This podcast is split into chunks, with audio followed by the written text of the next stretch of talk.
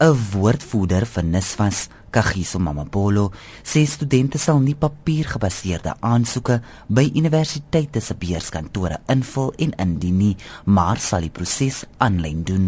And students would apply once in their student lifetime. So students don't have to apply again, don't have to queue long queues trying to fill manual forms, don't have to prove that they are poor so many times. So it actually cuts all the challenges that NSFAS has faced and the students had faced over the years. Mama Bolo sê studente sal ten volle befonds word vir hulle universiteitskoste vir die tydperk van hul studies. If you are funded this year, you are given a total amount fully so that you are able to concentrate on your studies and continue for the duration of your qualification.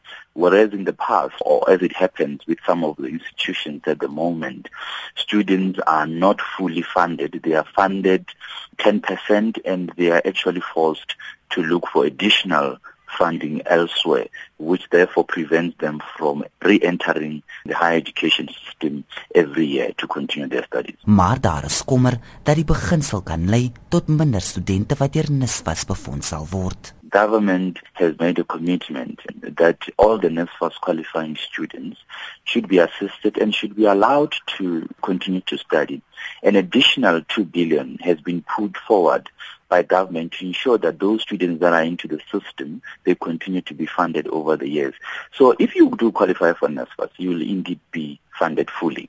Hy sê die nuwe stelsel sal sentraal beheer word wat korrupsie sal verminder. Students utilize a unique number that is able to track all the transaction that goes into a student's account.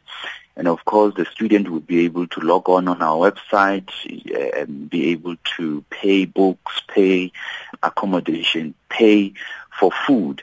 And we are able to trace all those transactions. Die skema oorweeg ook om die vereistes vir NSFAS befondsing ter oorweeg wat die minimum huishoudelike inkomste vir aansoekers sal vermeerder van R120 000 per jaar na R500 000.